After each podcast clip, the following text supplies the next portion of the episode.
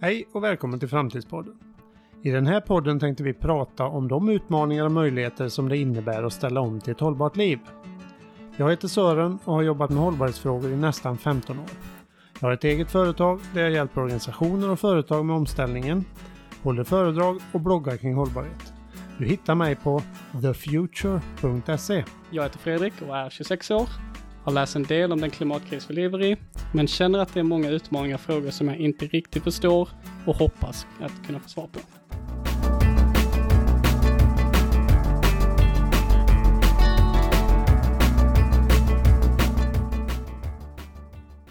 Okej, förra gången så snackade vi om planetens resurser och lite så. Men idag så har vi snackat lite nu och fikat om flyget. Det är ju en ganska intressant punkt ju. Ja, flyget är ju intressant. Det, det är ju framförallt en fråga som är, har väldigt mycket signalvärde idag. Eh, allt med flygskam och, och vi läser om eh, kompensation för flygresor och allt möjligt sånt där. Så att flyget har ju stor inverkan kan man säga. Tittar man då på, tittar man på i Sverige till exempel så allt flygande i Sverige motsvarar ungefär lika mycket utsläpp som all personbilstrafik i Sverige. Så man kan säga att vi flyger lika mycket som vi kör bil.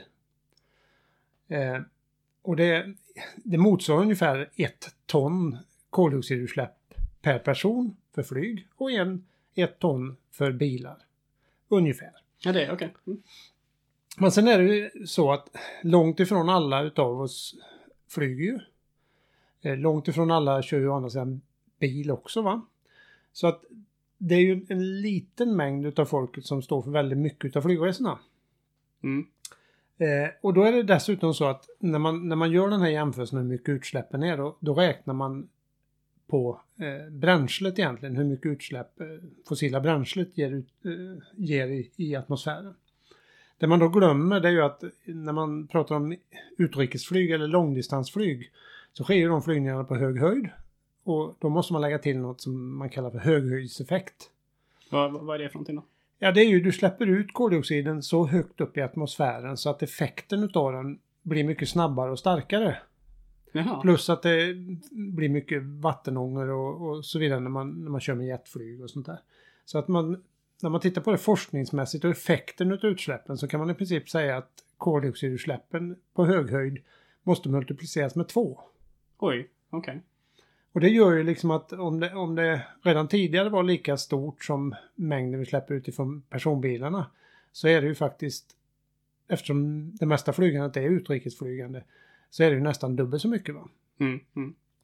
Eh, titta, tar man det då lite större och då kan man säga att i Sverige är det ju så att sen 90-talet någonstans, eller början på 90-talet där, så har ju flygandet, svenska flygandet totalt sett har ju ökat med 120 procent. Oj, det är mycket. Vet man då vad det är? Vad, vad är det? Alltså du sa svenska flyget, så är det utlandsflyget då eller vet man det mer vad, det är ja, som... Ja, det, är ju, det är ju framförallt eh, ut, utlandsflyget som är, som är den stora, vad ska jag säga, boven i dramat. Inrikesflyget är ju en ganska begränsad del va. Ja, okay. Tittar man, tittar man och då tänker man liksom, ja men eh, vi i Sverige, flyg, hur flyger vi då? Flyger vi mycket eller om man tar det i ett internationellt perspektiv och så vidare.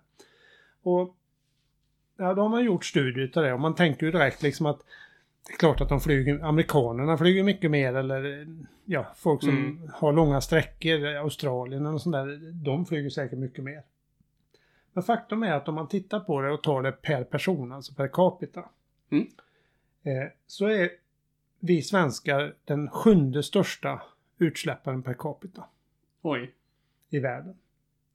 Det, det är några länder som hinner före oss där, men USA kommer per capita några snäpp längre ner på kartan. Ja.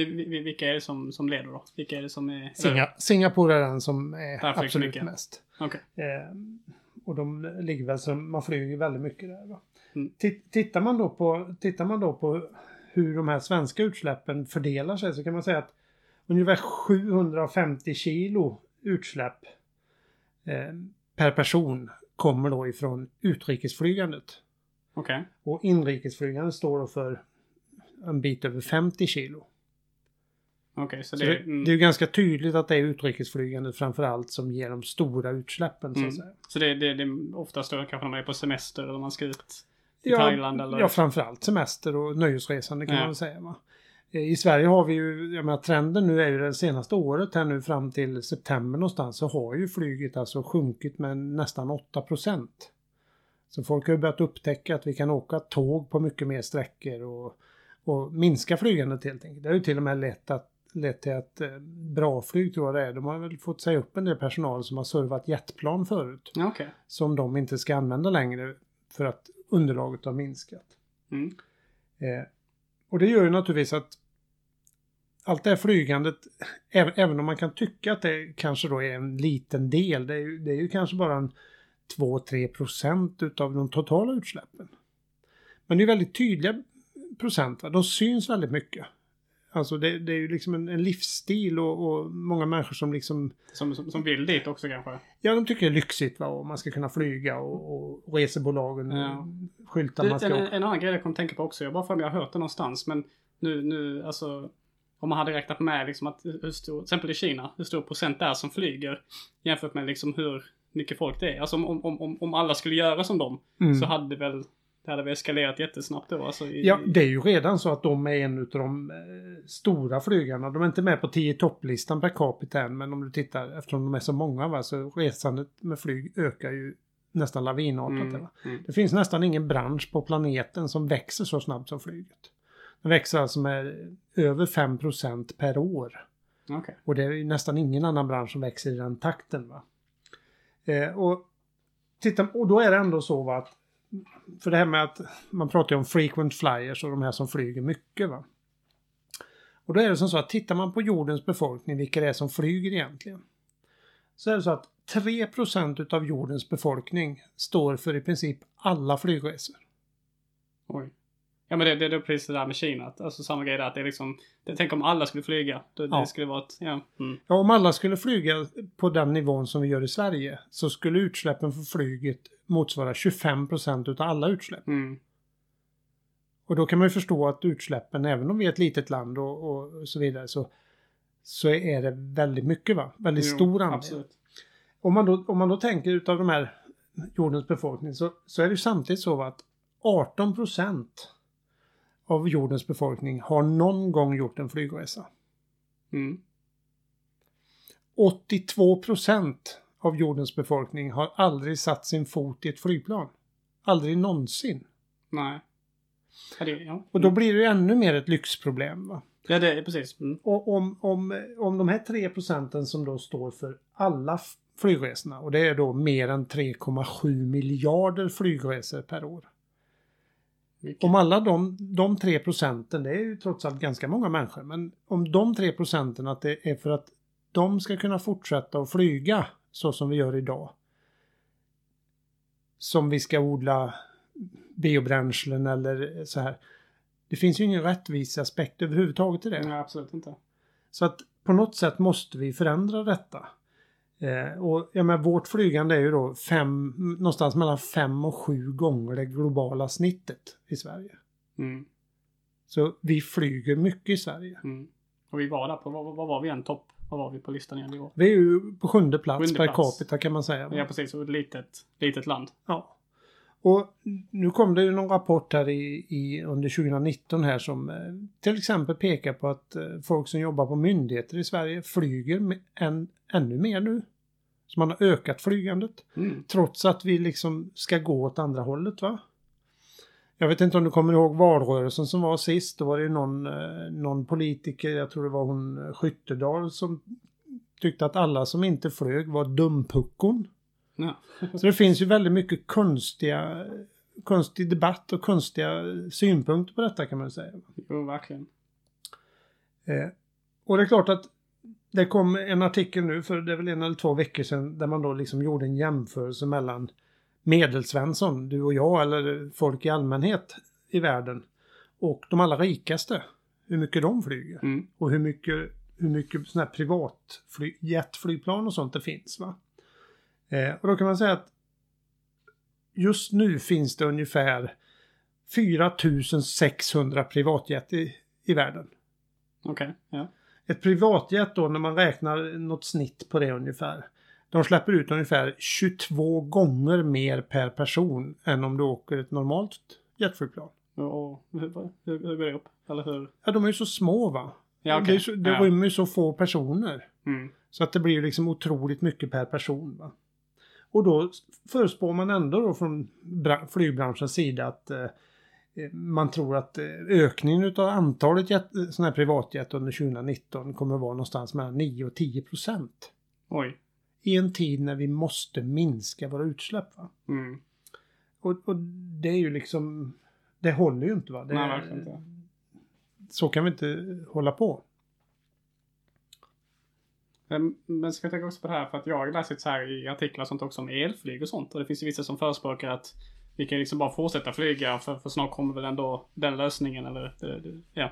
Ja, det, det är ju... Det, oftast är det ju från energibolag eller från flygbranschen själva som det kommer sådana här att nu är snart de första elflygplanen på plats. Mm. Och 2026 kommer det första som kan flyga kortare distanser och sånt här va. Men, men hur för, för, fungerar det då? Eller vad, är, det, är det bra eller vad? Ja, man kan säga, låt oss säga att det hade fungerat eller att det fungerar. Ja, om det första kommer 2026 så idag så finns det någonstans en bit över 25 000 kommersiella flygplan Mm. i världen. Och om det första kommer 2026 Ja, det är ju länge tills dess ja. så ska det bytas ut 25 000 flygplan också. Jo. För annars får det liksom inte den Men det är väl samma som det här med elbussar bara. Det är väl samma Ja, grej lite. ja. Ja. Lite grann så. Men om man då tänker sig det här med elflyg. Det låter ju väldigt bra. Mm. Det skulle ju kunna vara en smart idé tycker man ju. Och sådär va. Eh, och då satte jag mig och räknade lite grann på detta. Så jag, jag tänkte vi, ska bara göra en liten snabb matteövning. På detta. Vi tänker oss att vi ska flyga från Stockholm till New York. Mm. Det tar 8,5 timmar ungefär. Vi tänker oss att vi ska flyga med en Boeing 787 som är Dreamliner.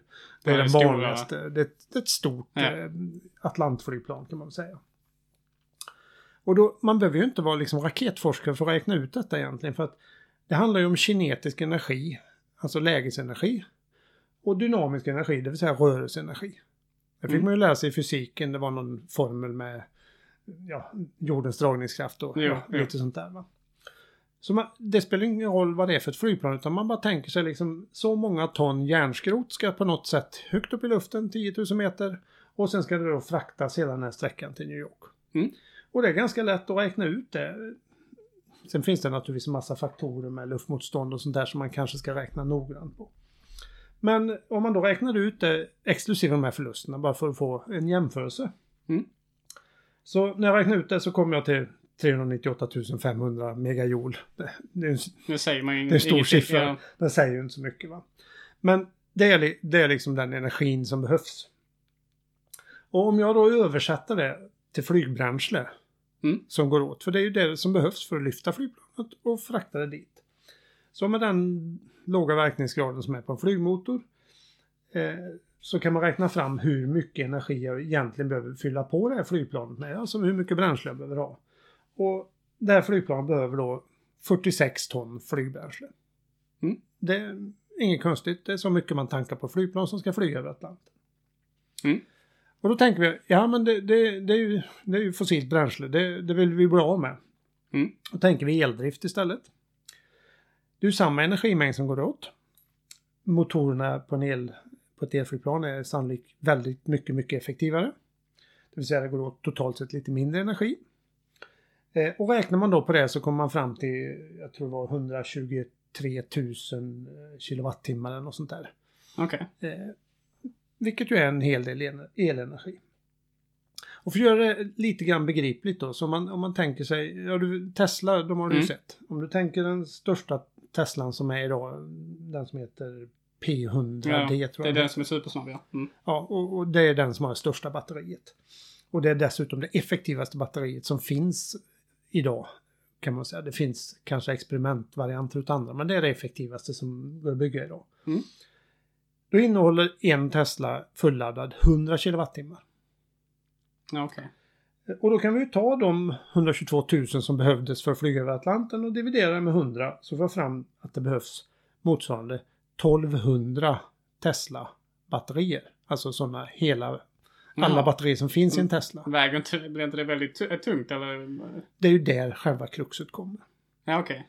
1200 batteripackar från en Tesla väger 700 ton. Oj. Och om man då samtidigt tänker på att det här flygplanet som vi skulle använda, en Boeing 787 Dreamliner. Maxvikten den kan starta med, med passagerare och bränsle och allt, är 253 ton. Mm. Ja, det, går, det går inte ihop. Nej. Nej, du, alltså man ser ju redan där va, att batterierna måste bli otroligt mycket effektivare om det ska gå att ladda på batteri. Det finns ett flygplan i världen idag som kan starta med 700 ton. En Tupolev, någon ryskt flygplan någonstans. Jag letar reda på det på Google. Det är bara det att då väger ju allting mycket mer och då måste du räkna om allt från början igen. Och då behövs det ännu mer batterier. Jo, jo precis. Så vi hinner inte ikapp den ekvationen. Nej. Om inte någon kommer på något riktigt smart sätt att göra Mm. batterier på. Precis, man måste kunna, man måste kunna generera energi också samtidigt som man flyger. Alltså, det, no, alltså Ja, ingen aning men alltså i något- den något- takten. Men framförallt måste du kunna packa mycket, mycket mer Jo. energi i mycket, mycket mindre vikt om man säger så. Va? Och utan tvekan kommer det säkert att dyka upp. Men det dröjer länge än innan Mm. vi är där så att säga. Va? Någon sa till mig, för jag höll föredrag ute någon gång så sa han Ja men man kan ju göra vätgas med det. Alltså det finns ju vätgasbilar och sånt. Det, det kan man ju göra med solenergi och, och sådär. Och vätgas är väldigt, väger väldigt lite per energienhet om man säger så. Så man skulle kunna tanka med vätgas. Och det är klart, det skulle man kunna göra. Men vätgas är ju samtidigt bland de mest explosiva och brandfarliga ämnen Ja, det vi känner till. Det Va? låter inte så himla bra heller. Nej. Nej, man kan säga, det räcker ju att säga Hindenburg. Det var ju en vätgasballong Ja, va? jo. Eh, Den brann ju upp. Så att Ja, det dröjer va? Och när vi väl kommer på det som vi behöver Så är det så är det 25 000 Exakt, flygplan som 25 000. måste bytas ut. Va? Men det, det är lite samma som med alla bilar idag.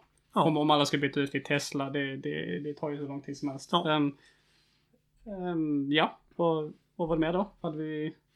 Nej, så man kan säga att det, det, de försök som görs idag det är oftast små flygplan. Man testar på korta distanser och sånt. Va? Och jag hörde någon debatt här i Sverige om att det, det fanns nog planer på att något flygplan, elflygplan kanske skulle kunna flyga typ en 30 mil eller något sånt här inom några år och sådär. Men varför då kan man ju fråga sig. På avstånd på 30, 40, 50, 60 mil är ju tåget oerhört mycket effektivare. Ja, Varför ska vi in- uppfinna flygplan som kan flyga på sträckor där tåget är extremt mycket bättre? Det är fel, det är det är fel uppfinning. Jo, men det är väl fortfarande, alltså, det är fortfarande en, en bekvämlighet. Det är väl fortfarande en tids... eh, Ja, men om du tänker en flygresa från eh, Stockholm till Göteborg. ja. Eller snabbtåget eh, X2000 ner där. Du sparar ingen tid överhuvudtaget. Nej, nej. För du anländer till och från city på den ena och på den andra måste du till och från flygplatser Mm. och så vidare. Mm. Så du tjänar ingen tid överhuvudtaget. Det är först när sträckorna liksom blir längre än de där Ja, och, 40-50 milen någonstans uppåt. Precis, och till exempel om du, nu, nu kan du alltid ta fågelvägen om du flyger. Det, väl, det kan ju vara, alltså det är ju fördelen. Ja, Där- men, men det gör du ju från Stockholm till Göteborg och du tjänar ingen tid. Nej, nej, nej, nej. Men sen kan, jag håller med dig, det kan ju finnas naturligtvis destinationer som, där det skulle kunna vara möjligt. Mm. Men, men på något vis känns det lite grann som fel uppfinning. Jo, jo. Men sen kommer man ju då oftast in, och de har ju också hört lite grann att ja men vi kan ju tanka flygplanen med biobränsle. Mm. biobränsle, jag menar, det är ju, det säger man ju då är liksom hållbarare eftersom det är ju en del utav den snabba kolcykeln eller det snabba förloppet. Den skulle kanske inte, det kanske skulle vara en lösning som är bättre än, än, än eh, jetflygplan Mm. eller propellerflygplan. Och hur, hur ser det ut då? Är det... Ja, för det första kan man ju säga att höghöjdseffekterna om du flyger med biobränsle finns fortfarande kvar. Mm. Forskarna har väl kommit fram att koldioxidutsläppen från biobränslen är ungefär lika stora som fossila bränslen. Så utsläppen är ju kvar. Ja, okej. Vilket ju liksom då, Då talar emot ja, det. Så det, det hjälper ju inte om man Nej. tar kol, den växthusgaseffekten om man säger så. Va? Nej. Eh, men, men man kan ju ändå tänka sig att i det långa loppet kanske det skulle kunna vara en, en möjlig lösning för att helt kommer vi ju med stor sannolikhet aldrig att sluta med flygning. Så i ett längre perspektiv kanske det skulle kunna hjälpa till Mm. och bibehålla Atlantflygningar eller där tåg och andra resesätt är omöjliga att tillämpa.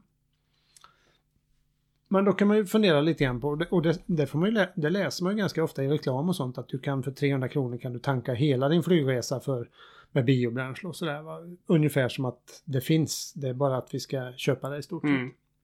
Men då ska man veta att jag gick in och tittade på IATA som ju är flygbranschens en branschorganisation där. Om vi tar 2017 så levererades det i hela världen fem, lite drygt 577 ton.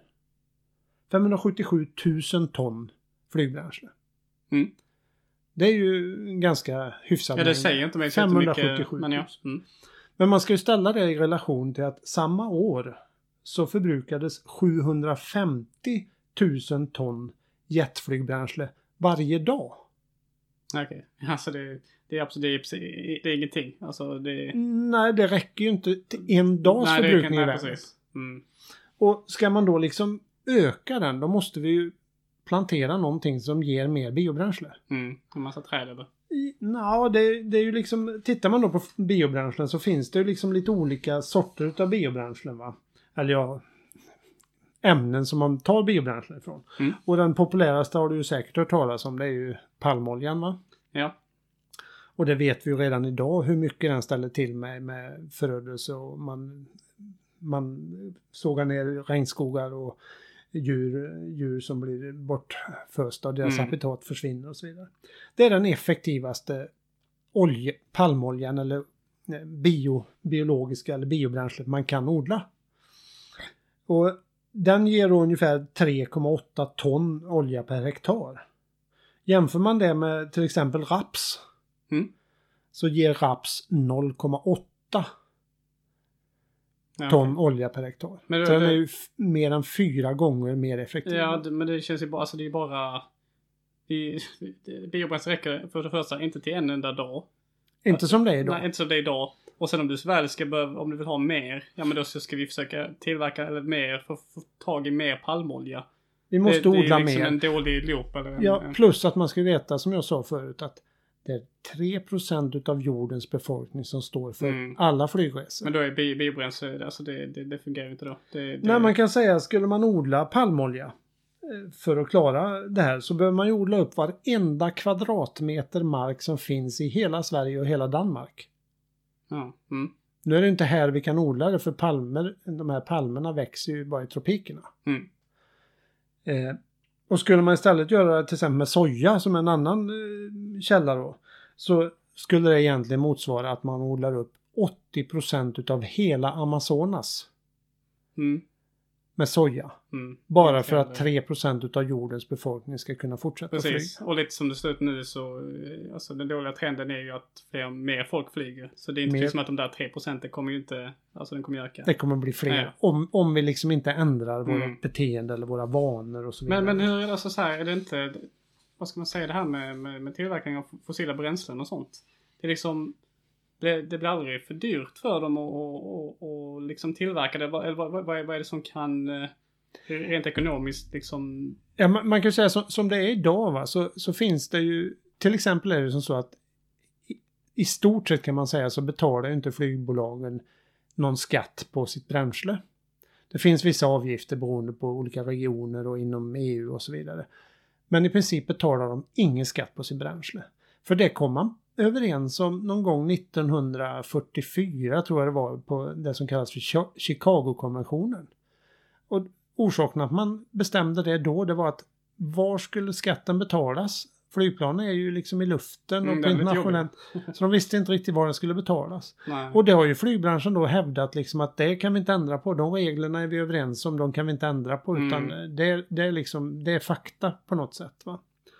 Eh, och det är naturligtvis jobbigt att ändra på sådana stora konventioner överhuvudtaget. Och, och få, vi vet ju hur svårt det är med bara att få till ett Parisavtal eller en klimatkonferens Jo. eller vad det nu än är. Jo. Det underliga var ju egentligen att flyget undantogs ifrån Parisavtalet. Att de inte finns med där som någon, någon Jaha, post som måste, måste hantera. De, de undantogs helt och hållet från Parisavtalet. Va? Men flygbranschen då, de har ju liksom tänkt sig att ja men vi, vi ska fixa detta. Vi, det, är- det är ju vår framtid. Vi, det är klart vi ska fixa det här. Va? Mm.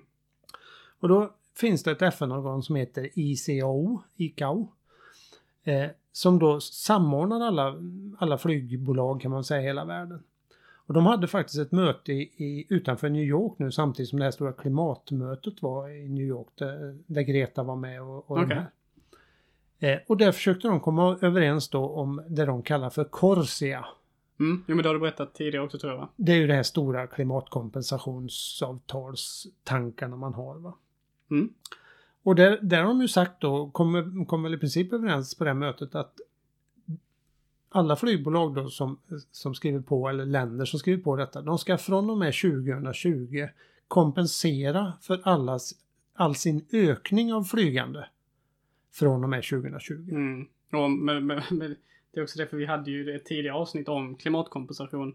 Och jag, jag antar att en av dem är plantera träd och, och de här. Ja, Som vi, både du och jag, ja, du har det ju Ja, jo, i anteckningar, i ser att Ja.